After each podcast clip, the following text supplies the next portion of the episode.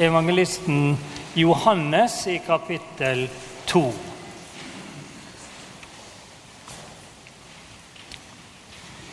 Tredje dagen var det et bryllup i Kana i Galilea.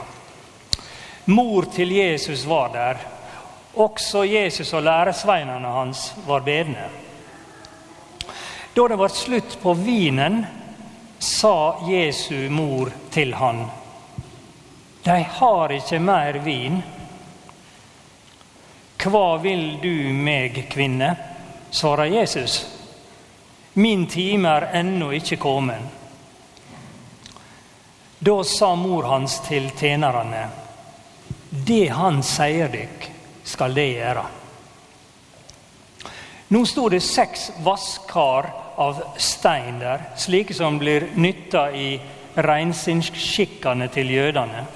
Hvert av dem tok to eller tre anker.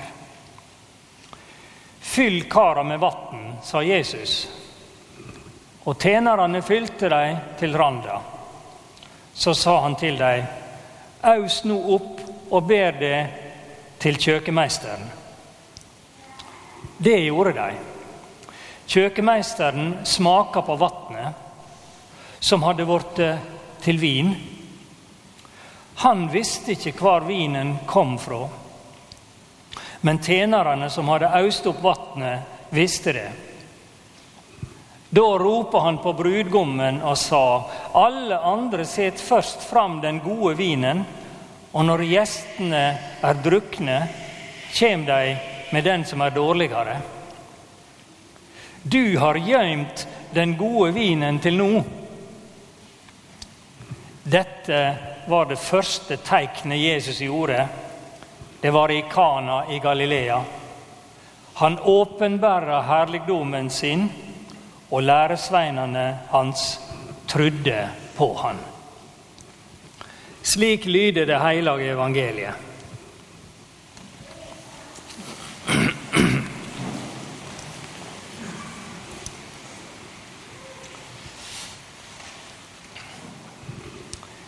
Vi er inne i åpenbæringstida. Å åpenbære, det betyr å avsløre eller dra til sides et forheng, så en ser hva som er bak der. Og det er Herren sin herligdom som kommer fram. Slik slutter teksten vi las. Jesus åpenbærer herligdommen sin, og læresveinene hans trodde på han. I Johannesevangeliet er vinunderet det første tegnet Jesus gjør. Første tegnet på at han er mer enn en snekkersønn. At han er Guds allmektige sønn. Etter 30 ganske stille år, litt sånn i bakgrunnen, så stiger han fram på arenaen. Han viser all allmakt. Og det skjer i en bryllupsfest. De to som skulle gifte seg, kanskje de var fattige. At det var så lite vin, kan tyde på det. Festen som blir feira når to gifter seg, den skal gi brud og brudgom ære. Skal gi dem et, et løft en flying start. Men her holdt det på å ende i skam. For all framtid så kunne det ha blitt folkesnakk. Husker dere det bryllupet der det ble altfor lite vin? I stedet for at en pinlig situasjon skulle ende i skandale, så skjer her det motsatte. Det blir overflod. Og kvantiteten er én ting. Den mengda Jesus skaper her En gammel fisker ville ha sagt at det var en fem-seks hektoliter. Altså 500-600 liter. Men kvaliteten, da? Tradisjonen den gang var visst å sette fram den beste vinen først. Men her er det motsatt. Den vinen Jesus skaper, den var helt i særklasse. Og den gjesten som steig fram og gjorde dette i et bryllup, han er her til stades i Sykkylven kirke i dag. På en særskilt måte er han nær oss i ordet sitt, i dåpsvatnet og i nattverdens brød og vin. I Johannesevangeliet så er det en djupere mening i det meste, nesten hvert ord som står. Og når vi i starten av fortellinga fikk høre at dette skjedde på tredje dagen, så peker det fram imot påskemorgen. At han som døde på korset for våre synder, han lever i dag. Og Dette blir interessant når vi vet at Johannes vil ha fram en djup sammenheng mellom de tegna, altså undera, som Jesus gjør, og det tegnet, eller det underet, han sjøl er når han står opp fra grava. Jesus skaper liv og glede.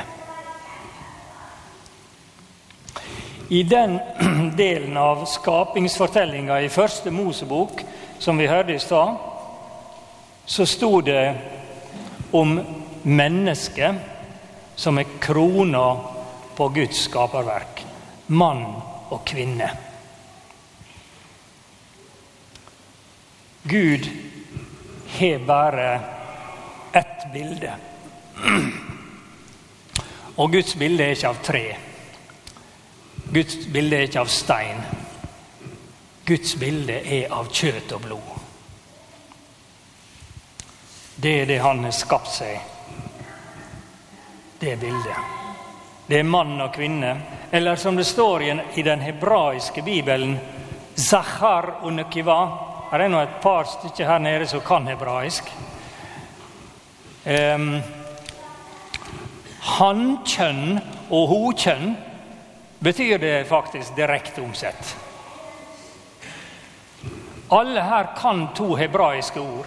Det er ikke sikkert du er klar over det, men halleluja og amen, det kan alle. Nå får dere lære to hebraiske ord til. Og det er ikke vanskelig. Sahar og nukiva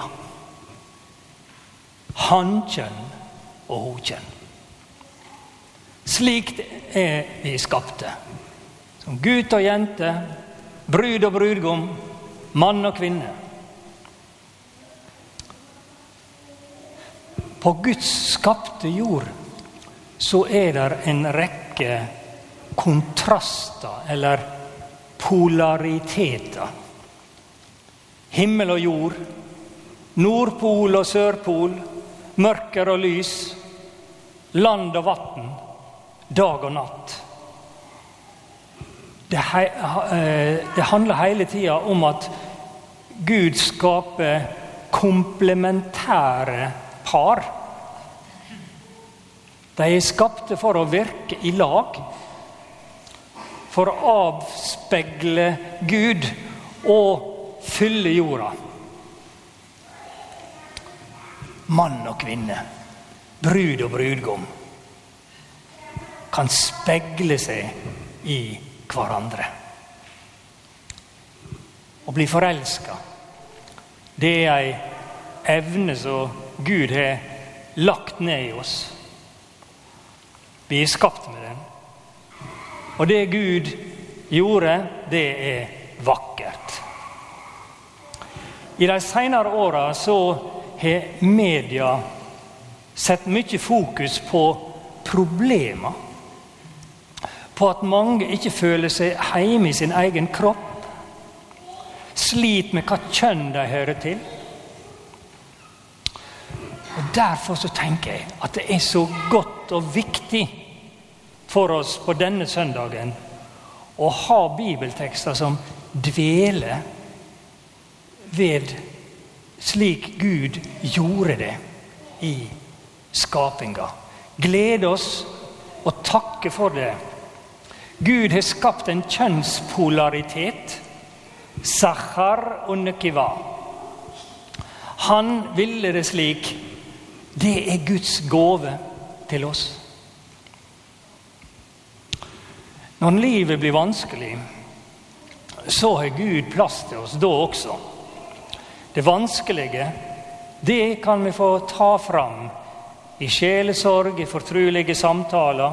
Og vi må bli bedre på det. Og lytte til hverandre og gå ei mil til. At vi ikke får til livet vårt, det er der også plass til i kirka. Inkluderinga, tilgivinga Nåden, den trenger vi. Den trenger jeg hver dag. Gud lengter etter å gi oss sin nåde. I nattverdens brød og vin er den tydelig, konkret.